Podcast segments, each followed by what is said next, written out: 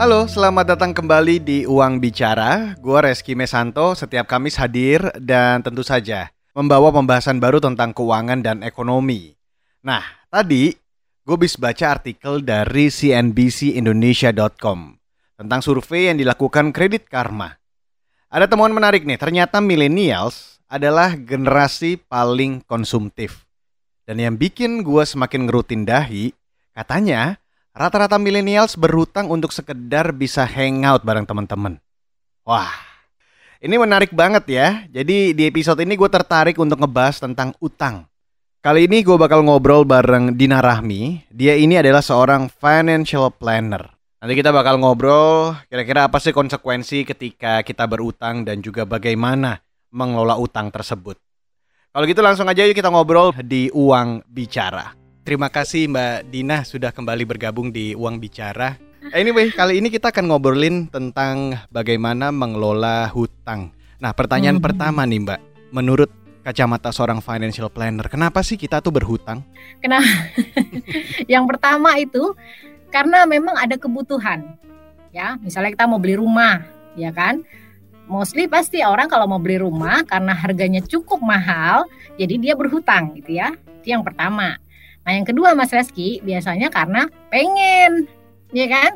Pengen beli sesuatu, tapi ada kesempatan. Jadi pengen tapi ada kesempatan juga ya. Sementara kalau kita belinya itu dengan menyicil, itu jadinya kayaknya harganya jadi jauh lebih murah gitu loh. Kesannya gitu ya. Kita nyicilnya kan lebih murah per bulan gitu. Dua itu sih butuh sama pengen. Nah tapi itu kalau misalnya ditanya sebetulnya sah-sah aja nggak sih kita berhutang? Enggak bukan hmm. yang anti-anti banget sih sama yang namanya hutang. Tapi kita harus benar-benar punya planning terhadap hutang ini. Oke, jadi harusnya yang sehat. Gitu. Pokoknya pada intinya mau atau tidak mau berhutang itu kembali kepada pilihan masing-masing, keyakinan masing-masing. Tapi sebetulnya berhutang itu sah-sah aja. Nah, satu lagi yang sering kejadian. Sekarang hmm. banyak banget kalau kita jalan ke mall, Apalagi beberapa brand dari handphone ini baru aja kan eh, ngeluarin tipe-tipe baru bahkan sampai ada yang pre-order. Pre-order dan bisa cicilan. Nah, ngomongin tentang hal-hal seperti itu gadget lah dalam tanda kutip ya. Ditambah lagi keadaan kita. Yang pertama pertanyaan saya adalah keadaan seperti apa sih Mbak yang bisa dibilang kita tuh nggak boleh ngutang.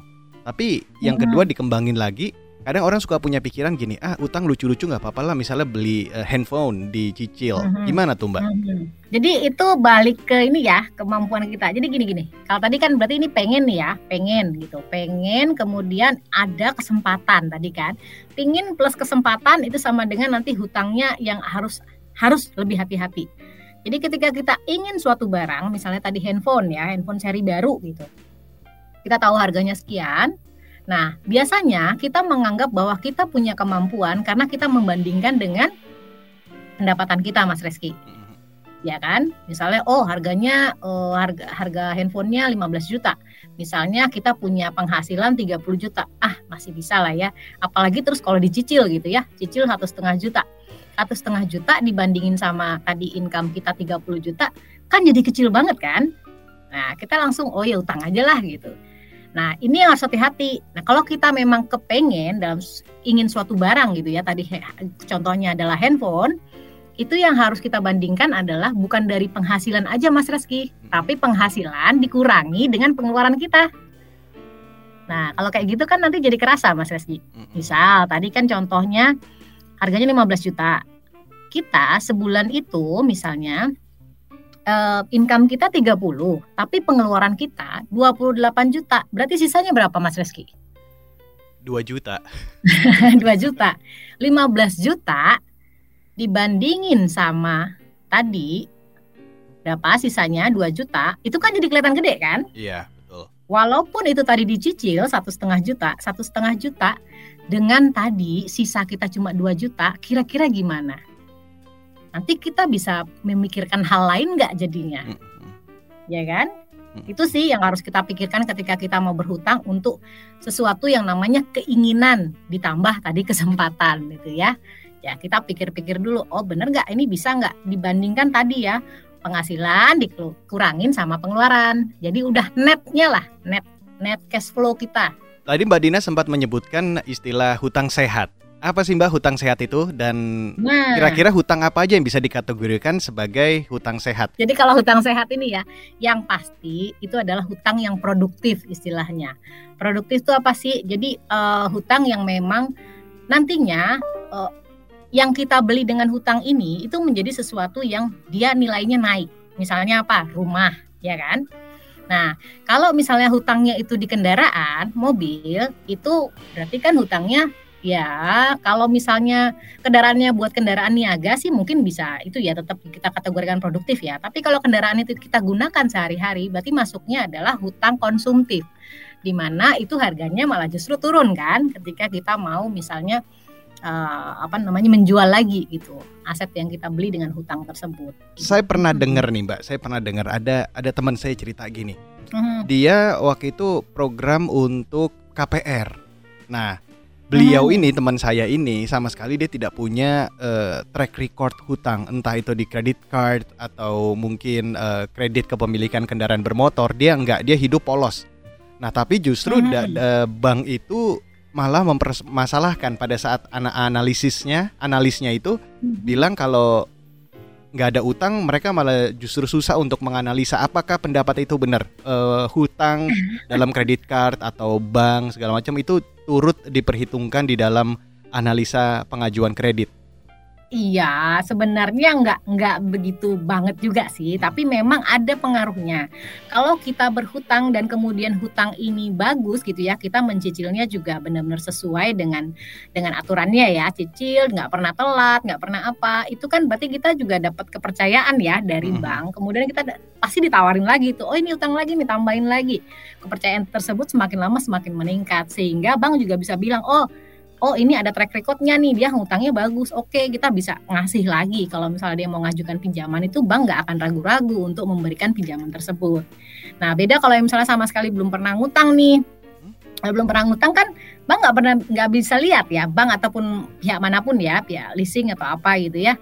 Dia nggak bisa lihat tra- track recordnya selama ini. Eh gimana ya ini nanti dia ngutangnya dicicil dengan benar nggak nih? Gitu sebenarnya tapi nggak begitu ngaruh sih sebenarnya. Harusnya dia juga lihat dari sisi tadi balik ya ke cash flow-nya. Pasti kan juga dilihat ya rekening korannya nih. Oh ternyata oh dia memang punya kemampuan kok buat ini. Jadi penilaiannya yang tidak hanya sekedar dari cicilan dia sebelumnya. Oke, berarti bisa di highlight bahwa memang memungkinkan dilihat dari tracknya historinya dia berhutang tapi tidak menjadi penentu gitu ya Mbak ya. tentu iya betul nggak harus juga kalau mau ngambil pinjaman baru benar-benar ngambil gitu ya itu ya nggak apa-apa juga asal dia memang ya secara kapasitas atau kemampuan tuh ada Itu dia Dina Rahmi, seorang financial planner yang lagi gua ajakin ngobrol tentang utang di episode Uang Bicara kali ini.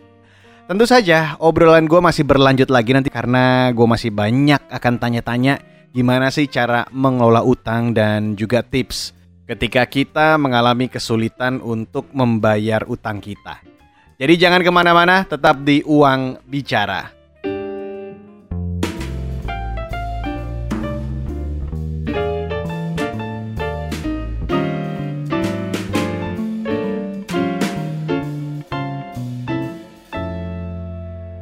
Masih di Uang Bicara dan gue Reski Mesanto masih terus nemenin lo. Di episode kali ini kita lagi ngobrol bareng Dina Rahmi, seorang financial planner. Kalau gitu langsung aja yuk kita ngobrolin utang lagi di Uang Bicara.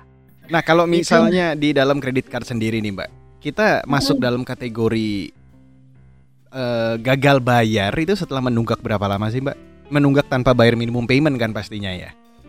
Iya, menunggak itu ya ada ada beberapa hari ya. Nanti ada namanya kolektibilitas 1, 2, 3, 4 gitu ya. Kalau kita memang udah lebih dari sebulan kita nggak bayar gitu kan, itu kan berarti nanti udah melewati tagihan berikutnya lagi kan. Iya. Nah itu kita udah masuk nunggak tuh nanti kategorinya. Atau kita telat berapa hari itu aja sebenarnya udah dihitung nunggak sih. Itu udah kolektibilitas eh, dua kalau nggak salah ya. Kita lancar nih kolektibilitas satu nih. Kolektibilitas dua itu ketika kita udah nunggak lebih dari jangka waktunya yang harusnya kita bayar. Misalnya tanggal jatuh tempo tagihannya Mas Reski tanggal 5, tanggal 6 belum juga bayar. Nah itu langsung masuk ininya. Kita udah langsung tidak lancar statusnya. Nah, kalau konsekuensinya, Mbak, ketika kita Hmm. menunggak utang, atau gagal bayar di platform kredit card, KPR atau KTA itu apa ya Mbak? Konsekuensinya yang satu itu pasti kan masuk blacklist ya. Blacklist. Blacklist ini ketika kita masuk blacklist artinya ketika kita membutuhkan yang namanya benar-benar pinjaman nih misalnya kita mau beli rumah itu bisa langsung nggak disetujuin karena kita udah masuk blacklist. Itu yang pertama. Yang kedua, emang tahan nanti sama debt kolektornya. Kalau nunggak itu debt kolektornya uh, ini ya agak-agak ya begitulah ya tahu sendiri. Ada yang lewat telepon ada yang lewat uh, langsung didatengin. Juga lagi adalah itu tidak hanya menghubungi kita aja. Kalau kitanya nggak bisa dihubungi dia pasti akan menghubungi keluarga keluarga terdekat kita. Apakah kita nyaman dengan hal tersebut? Itu sih konsekuensinya kalau Anda tahan DP kolektor melebihi dari pasangan Anda nelponnya ya silahkan dicoba iya. gitu ya Mbak. silahkan mencoba. Sama itu Mas yang paling hmm. penting kita masuk blacklist itu walaupun nanti tagihan kita cuma berapa rupiah aja kecil ya misalnya ya kita nggak bayar karena kita nganggep ah nggak apa-apa lah nggak nggak ada mau orang nggak mau ngambil hutang nggak mau ngambil apa gitu Suatu ketika kita mau ngambil KPR kita pengen banget satu rumah gitu tapi kita mampunya pakai KPR gitu ya kita ngajuin eh ditolak. Ditolaknya ketahuan tuh sama sama apa namanya sama banknya dikasih tahu.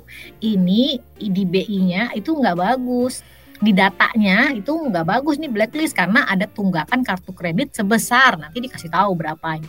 Itu bisa udah jadi berjuta-juta juga sih walaupun pertamanya misalnya tunggakannya cuma 100 ribu misalnya mas. Cuma biaya gitu ya. Tapi karena dia bunga berbunga tadi inget dua persen ya per bulan itu bisa jadi berjuta-juta juga. Dan itu tetap harus kita lunasi untuk supaya nama kita bersih udah nggak masuk blacklistnya nah kemudian kita baru bisa uh, ngajukan tadi KPR-nya Mbak Dina tadi sempat mm -hmm. announce masalah BI checking.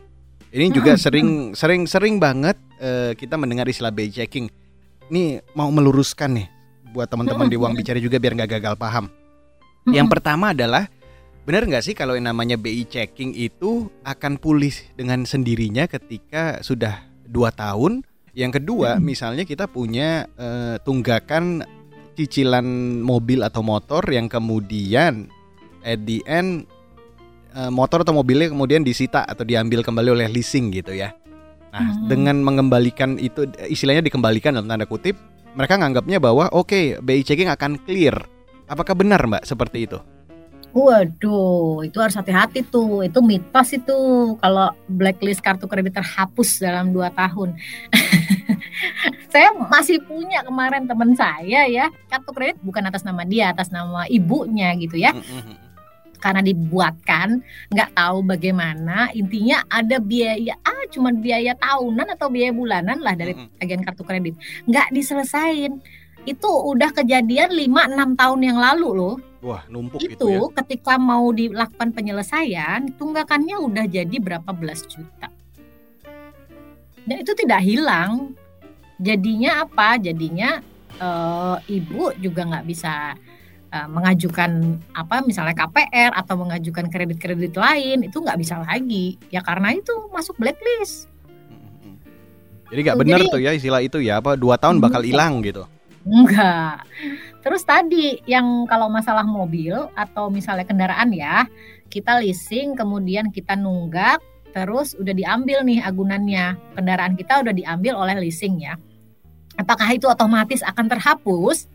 Belum tentu.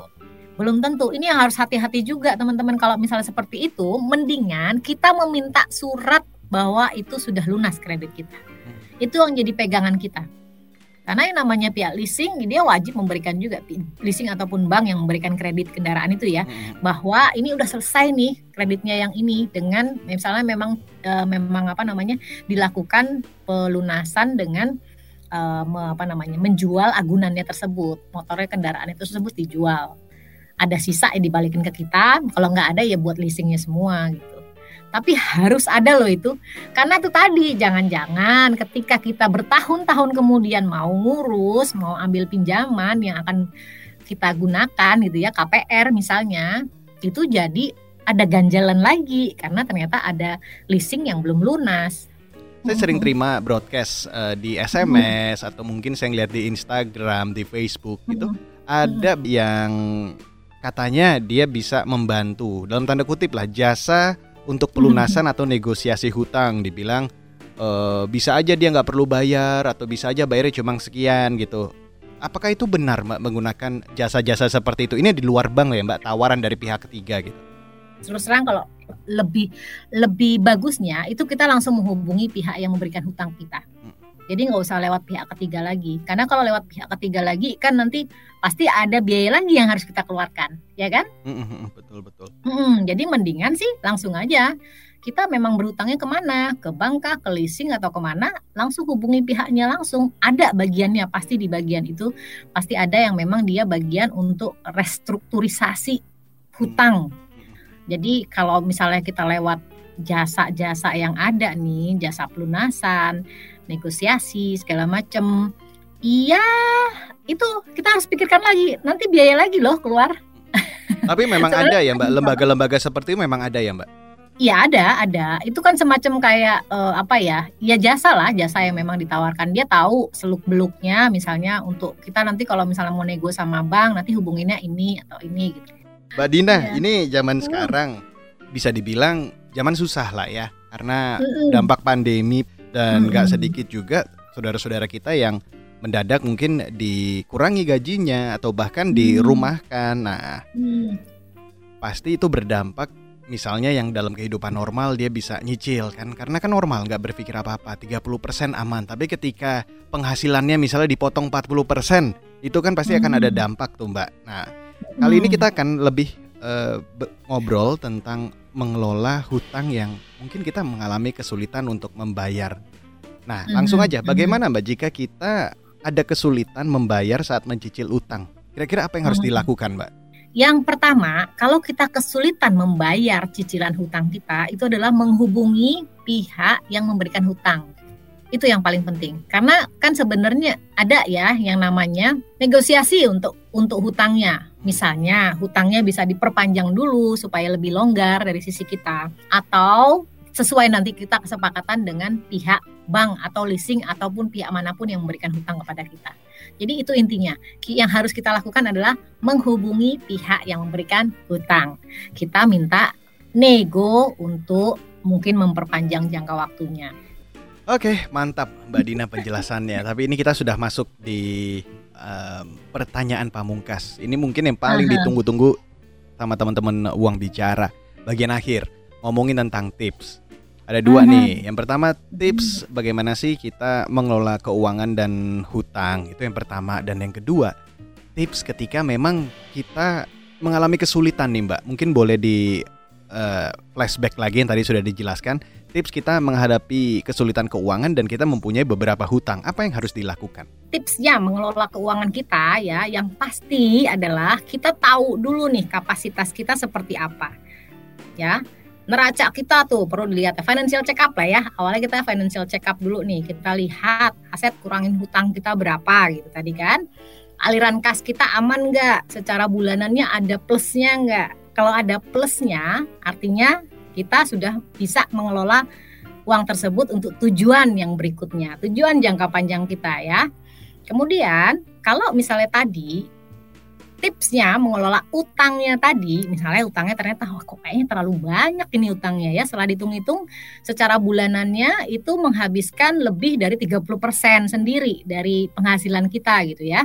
Gimana nih ngelolanya? Terus nanti dilihat dari neraca ternyata ini aset dikurangi hutang, mah asetnya jadi tinggal dikit banget. kita nggak bisa membanggakan diri lah, utangnya terlalu banyak gitu intinya. Nah, Gimana caranya nih? Kita tipsnya untuk bisa mengelola hutang ini. Yang pertama, Mas Reski, hmm. itu kita bikin list dulu semuanya. Hutang kita apa aja?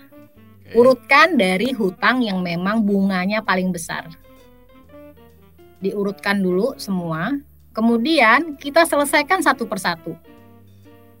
Kita harus bikin prioritas. Sama kayak kita bikin tujuan keuangan kan Mas Rizky ya. Ada prioritasnya, kita mau nyiapin apa dulu. Nah, ketika kita memang mau nyiapin, kita mau menyelesaikan hutang kita satu persatu, yang bunganya paling gede tadi kita selesaiin dulu. Caranya gimana nyelesain? Orang ini aja cash flow-nya aja masih berat banget gitu ya. Kita lihat aset kita yang bisa kita jual untuk bisa nutup hutang ini apa. Itu yang paling apa namanya? paling apa namanya istilahnya? Paling inilah paling paling masuk akal untuk menyelesaikan hutang tersebut dari situ.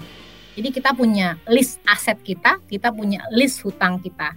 Hutang diurutkan dari yang tadi paling besar bunganya. Selesaikan satu persatu. Nah, kalau udah selesai satu, yang bunganya paling gede terutama ya, itu kan nanti akan mengurangi cicilan kita di cash flow bulanannya. Udah mau berkurang di situ, berarti kan ada spare lagi ini, ada uang sisanya, cash flow kita agak bisa bernafas lah ya. Nah, di situ buat apa?